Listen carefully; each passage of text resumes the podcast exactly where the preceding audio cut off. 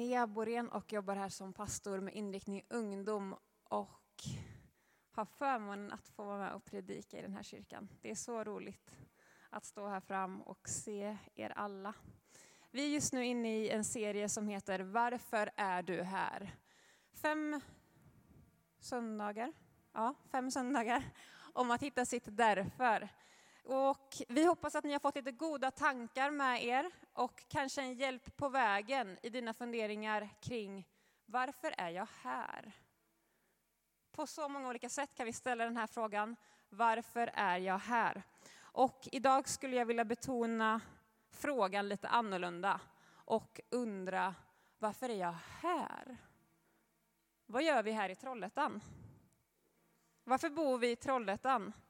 Vad gör du i Trollhättan? Varför är du här i våran stad? Varför bor du här? Det finns många olika anledningar att bosätta sig i en stad. Det kan vara att man hittar kärleken kanske. Så flyttar man ju såklart hit och inte till någon annan stad. Så gjorde min familj. Så borde alla göra. Man kan flytta till en stad för man har hittat ett nytt jobb. Man kan flytta till en ny stad för att man har hittat ett bra hus att bo i. Det finns många sätt att välja varför man flyttar till en ny stad. Och när man har bott i en stad ett tag så kanske man känner, men vad gör jag här? Var det bara huset? Var det bara äktenskapet eller relationerna eller vad, var, vad är det egentligen?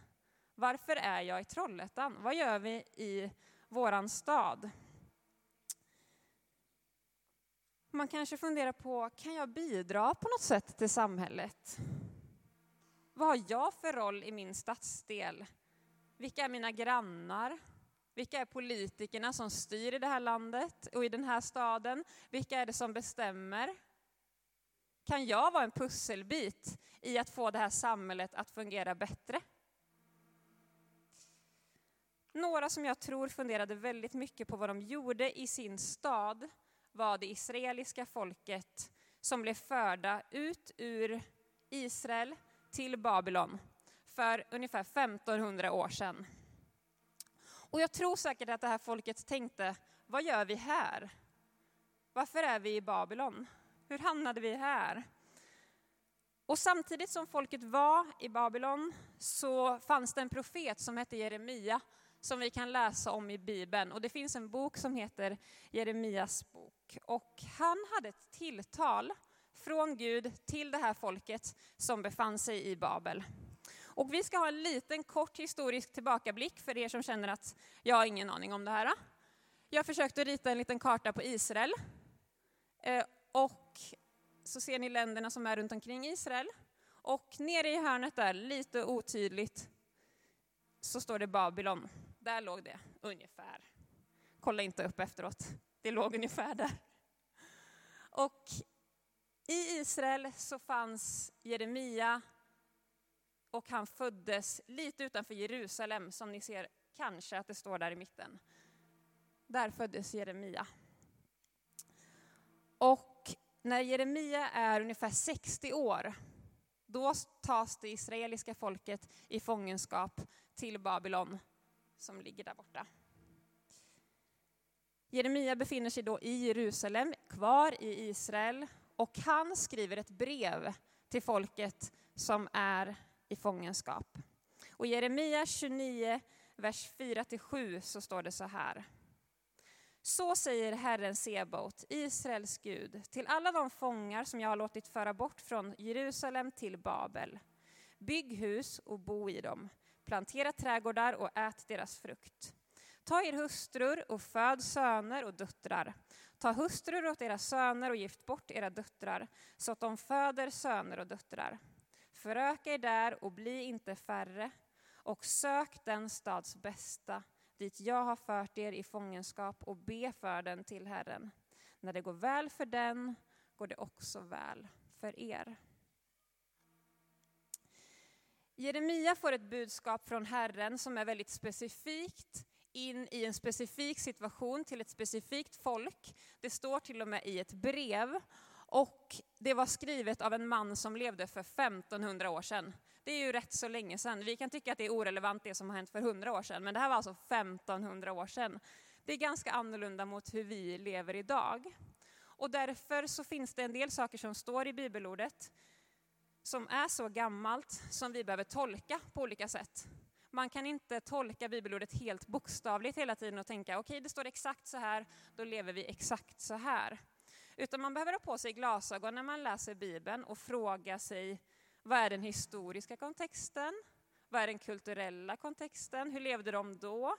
Vem är författaren?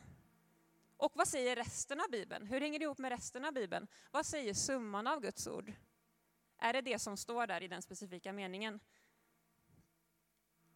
Och när man ser övergripande, eh, nej förlåt, det finns ju en, en liten rad här i som ni kanske tänker, det här gör vi inte bokstavligt idag. Vers 6. Ta er hustrur och föd söner och döttrar. Ta hustrur åt era söner och gift bort era döttrar, så att de föder söner och döttrar. Och vi kanske behöver se på vad hela Bibeln säger. Vad verkar vara på Guds hjärta i frågan? Och när man ser övergripande i Bibeln på Guds vision och tankar kring äktenskapet så handlar det om en överlåtelse till varandra och en ömsesidig kärlek. Så de här raderna tänker jag att det är svårt att ta ordagrant utan vi behöver se på hela Guds tanke med äktenskapet.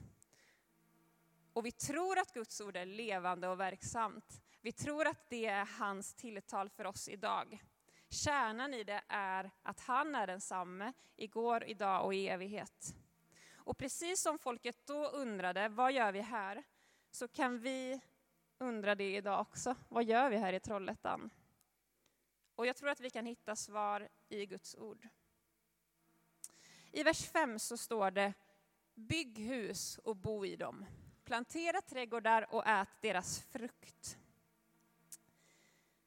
Israels folk levde i Babylon som främlingar och de levde i en kultur som var annorlunda med människor som de kanske inte kände, som de inte visste vilka de var. Och jag tror att de längtade hem till sitt land, till sitt hemland igen. Det som de var vana vid. Visst är det så? Att man gillar när det är som det brukar. Man gillar när man känner sig hemma på en plats. Och mitt i deras längtan efter förändring och efter att komma hem igen, då säger Gud, bygg hus och bo i dem. Plantera trädgårdar och ät deras frukt. Jag tänker mig att han säger till folket, sitt inte bara och vänta på andra tider. Ta vara på den tiden som är just nu. Ingen tid är för kort för att göra någon skillnad eller för att göra någonting. Vänta inte på någon annan tid, utan ta tiden som du har nu och gör någonting gott av den. Och ibland kanske vi känner så också. Att vi inte vet varför vi är på en viss plats eller vi väntar på förändring. Varför kan det inte hända någonting? Och istället för att längta bort så kanske vi kan göra någonting stort i de situationerna där vi befinner oss. Vi kanske kan vända oss till Jesus och be och söka våran stads bästa. Oavsett om vi är här för en kort tid eller om vi har bott här hela vårt liv och tänker att jag kommer bo här tills jag dör, så kan vi få vända vår blick mot Jesus och be om hans bästa för våran stad. I vers 7 så står det sök den stads bästa. Har du funderat över vad Trollhättans bästa skulle vara? Jag tänker mig om någon i Sverige skulle anordna en tävling. Sveriges bästa stad. Vad skulle du göra för att vi i Trollhättan skulle vinna tävlingen? Hur skulle det se ut i centrum? Vilka restauranger skulle finnas? Skulle det finnas några restauranger? Vilka affärer skulle finnas? Vad skulle man prata om i stan? Vad skulle man göra? Vart skulle man umgås? På vilka platser skulle vi hänga med varandra? När skulle man umgås? Vart ligger kyrkan i Sveriges bästa stad? Vad gör vi i kyrkan i Sveriges bästa stad? Och vad gör vi som finns i kyrkan utanför kyrkan, när vi inte är i kyrkan, i Sveriges bästa stad?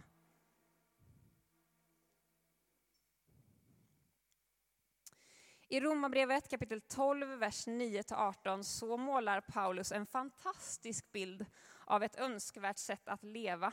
Och min längtan skulle vara att den här församlingen fick ha det här som sin identitet. Så mycket det bara går. Att vi varje dag skulle besluta oss för att leva i kärlek till varandra och till Gud.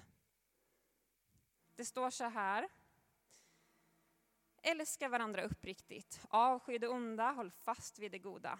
Var innerligt tillgivna varandra i syskonkärlek, överträffa varandra i ömsesidig aktning. Det är lite att bita i. Var inte tröga när det gäller iver, var brinnande i anden, tjäna Herren.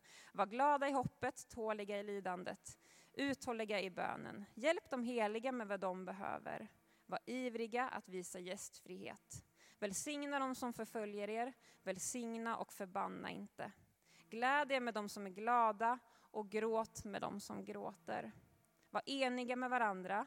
Tänk inte på det som är högt, utan håll er till det enkla. Var inte självkloka. Löna inte ont med ont. Tänk på det som är gott i alla människors ögon och håll fred med andra människor så långt det är möjligt och beror på er.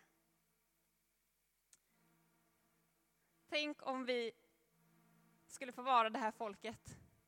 Ett annorlunda folk. Och jag tänker att vi är en församling som är en kraft att räkna med i samhället. Vi är ungefär 500 medlemmar.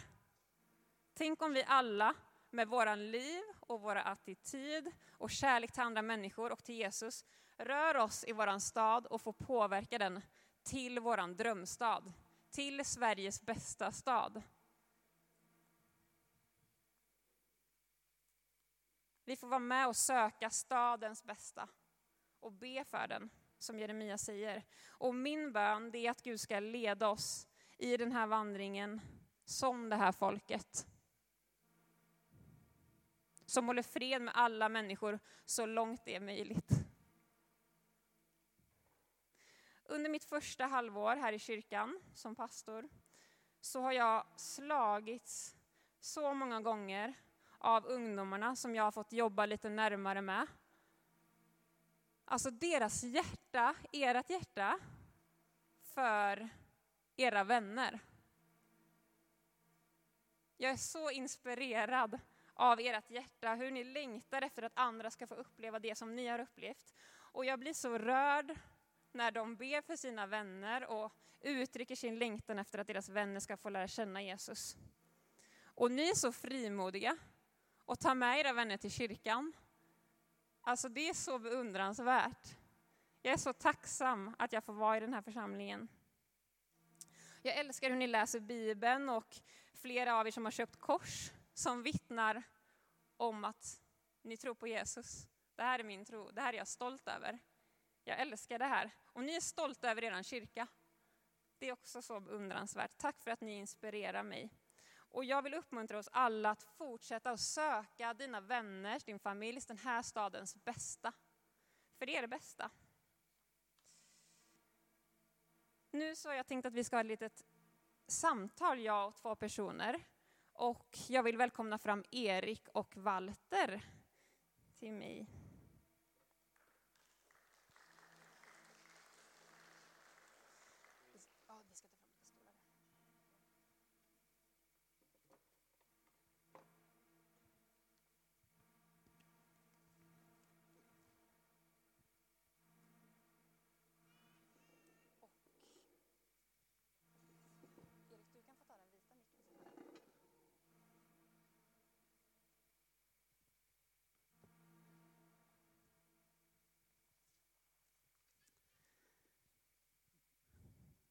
När vi pratar om eh, att vara ett ljus för vår stad och att finnas i vår stad så är ni två personer som inspirerar mig mycket. Vill ni berätta vilka ni är bara lite kort? Erik Björk heter jag, gift med kusin som sitter där nere. Walter Davidsson heter jag, medlem i församlingen sedan 12 år. hur länge har ni varit kristna och eh, ja, hur ser er tro ut? Lite kort. Jag har väl varit kristen i stort sett hela livet, men det var väl i tonåren som det blev mer riktigt. Och sen gick jag en bibelskola i Danmark, eh, där jag åkte på lite missionsresa och där fick det väl någonstans fatta lite mer eld och växa något enormt. Eh, ja. Får jag ju tänka efter då. Jag är 63 och blev frälst när jag var 15. 48 år, eller? Så jag vinner då, ja. Eh, och eh, jag var inte kristen innan och jag blev som en del ungdomar här i kyrkan frälst genom kompisar. Och eh, redan fast jag bara var 15 år så var jag på väg mot en, på en farlig väg. Så jag är väldigt tacksam för vad Gud har fått göra i mitt liv och vad han fortfarande gör. Ja, Walter, jag vet ju att du har ett hjärta för att nå människor och du har varit på bibelskola. Och vad är det som gör att du känner så? Jag tror väl att en stor del av den känslan att vilja alltså någonstans ge, ge av det man har fått. Eh, att jag känner att men, eh, Gud är så stor och Gud är så god och jag har fått uppleva det och fått se det.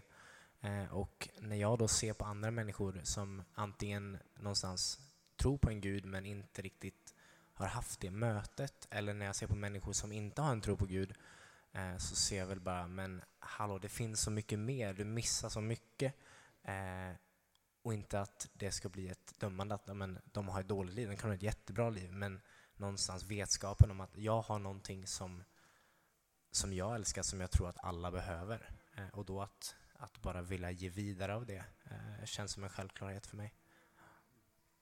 Erik, vad är din relation till evangelisation och mission och att nå ut? Ja, jag är ju lite avundsjuk på... Eh, jag minns ju själv när jag var eh, i din ålder då. Och eh, hur, hur lätt man tog allting och bara liksom... Ja, men... Får berätta om Jesus här. Och, man känner väl att man, ja vad ska man kalla det? Vi kan väl hitta ord för, ja, oss alla som varit frälst länge då. Men jag känner ju det att det här, att man har levt så länge med Jesus, det går liksom inte att förklara bort. Om jag berättar för någon att eh, ja, jag har varit frälst i 48 år då. Eh, wow, liksom var okej. Okay. Men eh, hur länge har du varit religiös då? Ja, jag är inte religiös sådär. Jag liksom lever med en person som heter Jesus, som är Guds son. Och det är ingen religion. Det är ingen, jag tillhör inte en religion så. Man kan ju säga att man gör det, men egentligen är det ju inte det då.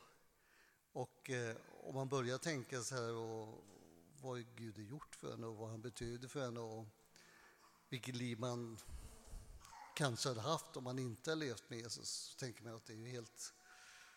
Det känns som en ocean som man liksom... Eh, ja, fått leva. Jag är så tacksam för att ha fått leva med Jesus så länge och, och att han, han har aldrig över, övergett mig.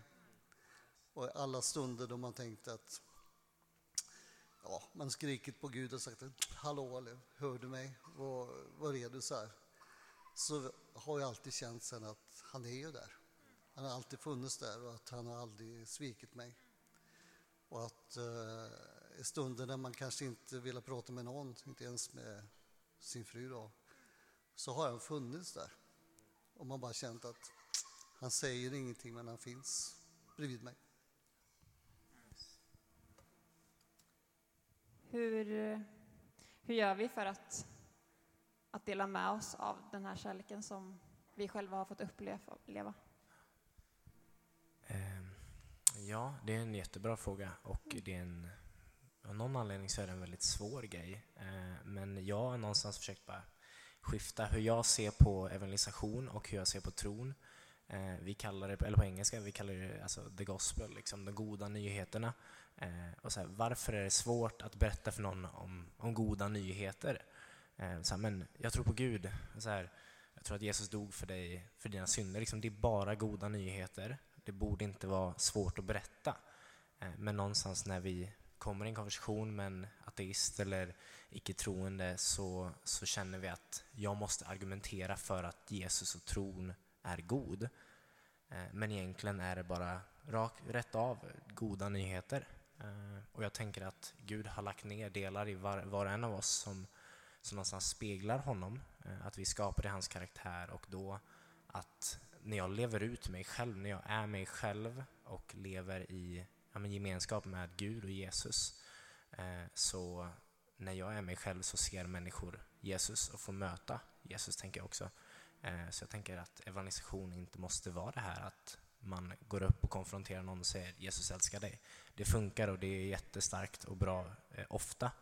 Eh, men att också ha det här eh, evangelisation som en livsstil. Att amen, jag lever tryggt i min tro och jag litar på att när jag är mig själv och stolt över min tro så kommer det komma ut och människor kommer se det och möta Jesus där. Eh, så så tänker jag. Om ni skulle få ställa upp i den här tävlingen nu då, Sveriges bästa stad, vad skulle ni göra i Trollhättan då? Erik har nog ett jättebra svar på vad, vad skulle vara det bästa som kunde hända Trollhättan? Så vi skulle göra alltså? Ja. Ja, jag har alltid. Vi hjälper också till, eller? Allihop. Ja, alla, alla, ja, alla hjälper hjälper till som är här inne. Ja, ska man försöka säga ett svar då som inkluderar Jesus då? och Så. Du får fria... Fri, fritt så. Nej, men det, eh, man önskar ju att alla människor ska få uppleva Jesus. Så på något sätt måste man ju få in Jesus i eh, både svaret och lösningen. Och, och det svåra är väl liksom hur, hur man ska få människor att upptäcka Jesus då. Eh, jag tänkte lite grann på vad jag skulle säga ifall du frågar något sånt. Då. Jag tänker det här att ehm, det som jag tänkte på spontant är det där att man är ändå människa. Man, ibland känner man att ja, man var länge sedan jag ringde honom eller gjorde det här eller hälsade på henne eller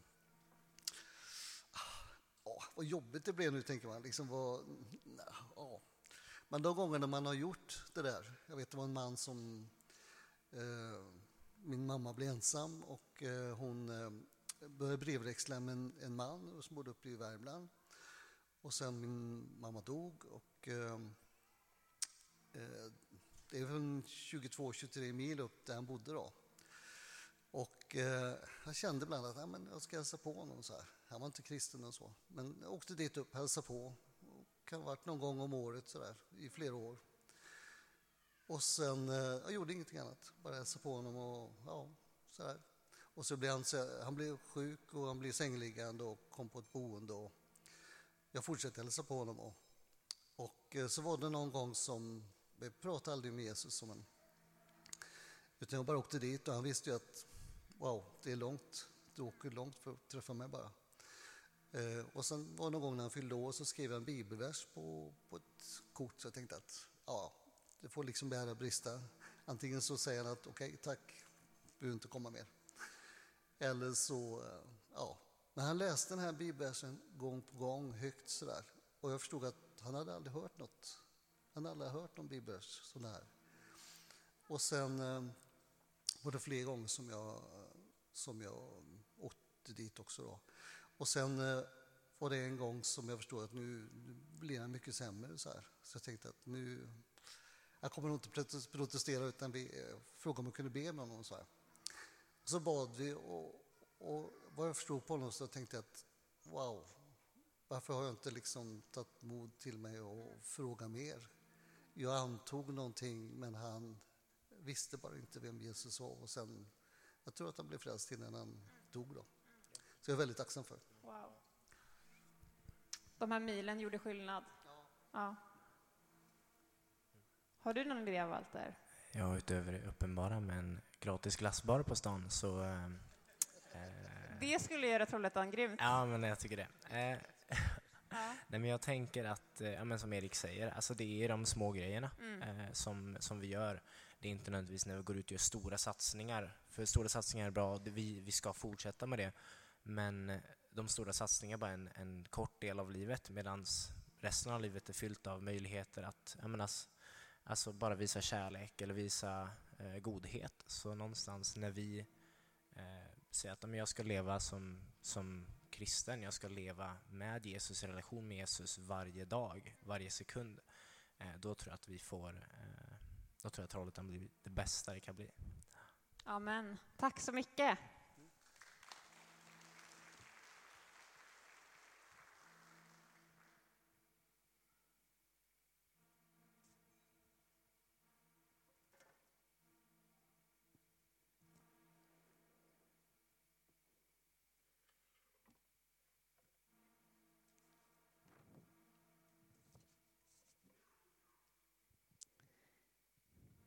En sista punkt som Jeremia tar upp. Det står så här. Sök den stads bästa dit jag har fört er i fångenskap. Och så står det, så säger Herren Sebot, Israels Gud, till alla de fångar som jag har låtit föra bort. Och det står att det är Gud som förde bort folket in i fångenskap. Det där kanske vi kan ha lite problem med och tycka att, aha, var det Gud som förde folket till Babylon? Var det han som förde dem in i fångenskapen? Och man skulle kunna tolka det som att Gud använde fångenskapet som, som ett sätt att korrigera folket, som ett sätt att vägleda dem rätt igen. För folket tidigare hade svikit Gud och de hade svikit sitt förbund med honom och deltagit i avgudadyrkan och orättvisor och annat. Så fångenskapen skulle kunna ses som ett sätt för folket att kunna omvända sig igen och kunna ropa på Jesus. Jesus fanns då, det var ju treenigheten, Fadern, Son, Helige Ande. Eh, ropa på Gud. Hjälp oss. Kom till oss. Vi vill omvända oss till dig. Och mitt i fångenskapen, i sin osäkerhet och deras kanske bortvändhet från Gud när de är i Babylon, då får de det här brevet. Och lite senare, efter de här verserna, så står det i vers 10.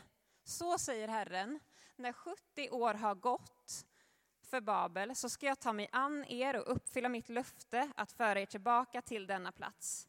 Jag vet vilka tankar jag har för er, säger Herren, nämligen fridens tankar och inte ofärdens, för att ge er en framtid och ett hopp. Gud vill uppmuntra oss när vi söker vår stads bästa att leva i det som kanske inte är så enkelt.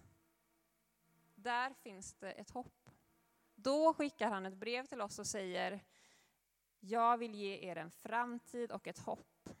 Och det finns ett hopp som är större än allt mörker. När du känner så här, vad gör jag i Trollhättan? Vad gör jag i Sverige? Vi kanske tänker så idag. Vad händer i Sverige? Vad gör vi här? Vad ska vi göra? Det är så mycket mörker just nu. Det pågår så många skjutningar och gängkriminalitet och saker som inte vi har kontroll över. Då så säger Gud, jag vet vilka tankar jag har för er. Nämligen fridens tankar. Jag vill ge er en framtid och ett hopp. Han har goda tankar. Och så säger han, Linnea, rota dig och landa. Vad då i det här? Ja, rota dig och landa. Även om du kanske inte känner dig som hemma, även om du känner dig otrygg, så står det rota dig och landa. Sök den här stadens bästa. Alltså vi kan få vara en rörelse som påverkar det här positivt. Vi behöver inte tänka och längta bort, utan vi kan få vara ett ljus just precis här och nu. Och vi kan få böja knän och ropa på Gud. Och han säger, jag vet vilka tankar jag har för er. Håll fast vid mitt hopp. Det tror jag Sverige behöver få höra. Amen. Vi ställer oss upp tillsammans och ber. Ja, Jesus, du ser vad som pågår i vår värld och allt som är tungt, kanske här i stan, i vårt land, Jesus, och hur vi tycker att det är svårt att veta vad vi ska göra. Men Jesus, hjälp oss att söka den här stadens bästa. Hjälp oss att vara ljus där vi finns, att vara dina vittnen där vi går fram, Jesus. Hjälp oss att göra goda handlingar, att göra goda gärningar, att hålla fred med varandra så långt det är möjligt. Hjälp oss att vara det, Jesus. Hjälp oss att sträcka ut en hand till den som behöver hjälp. Hjälp oss att vara öppna för ditt initiativ att prata med nya människor, Jesus. Jesus. Jesus, vi vill lägga vårt liv i din hand. Och vi ber att fler i Trollhättan ska få uppleva din frid och din kärlek. Vi ber att fler ska få tag på dig och det goda som du har för oss, Jesus. Jesus. Jesus. Hjälp oss vidare. Hjälp oss på den här vandringen som livet är. När vi kanske känner oss som flyktingar, som Israels folk i Babylon. Hjälp oss då att landa i att vi får söka den här stadens bästa. Lägg det på våra hjärtan. Plantera det här fröet i våra hjärtan, att vi får se på människor som dyra avbilder. Jesus, hjälp oss att be för dem som förföljer oss. Vi gör det Jesus, förvandla människors liv. Jesus. Vi vet vad det bästa är för den här staden. Och det är din kärlek, Jesus. Jesus. Jesus.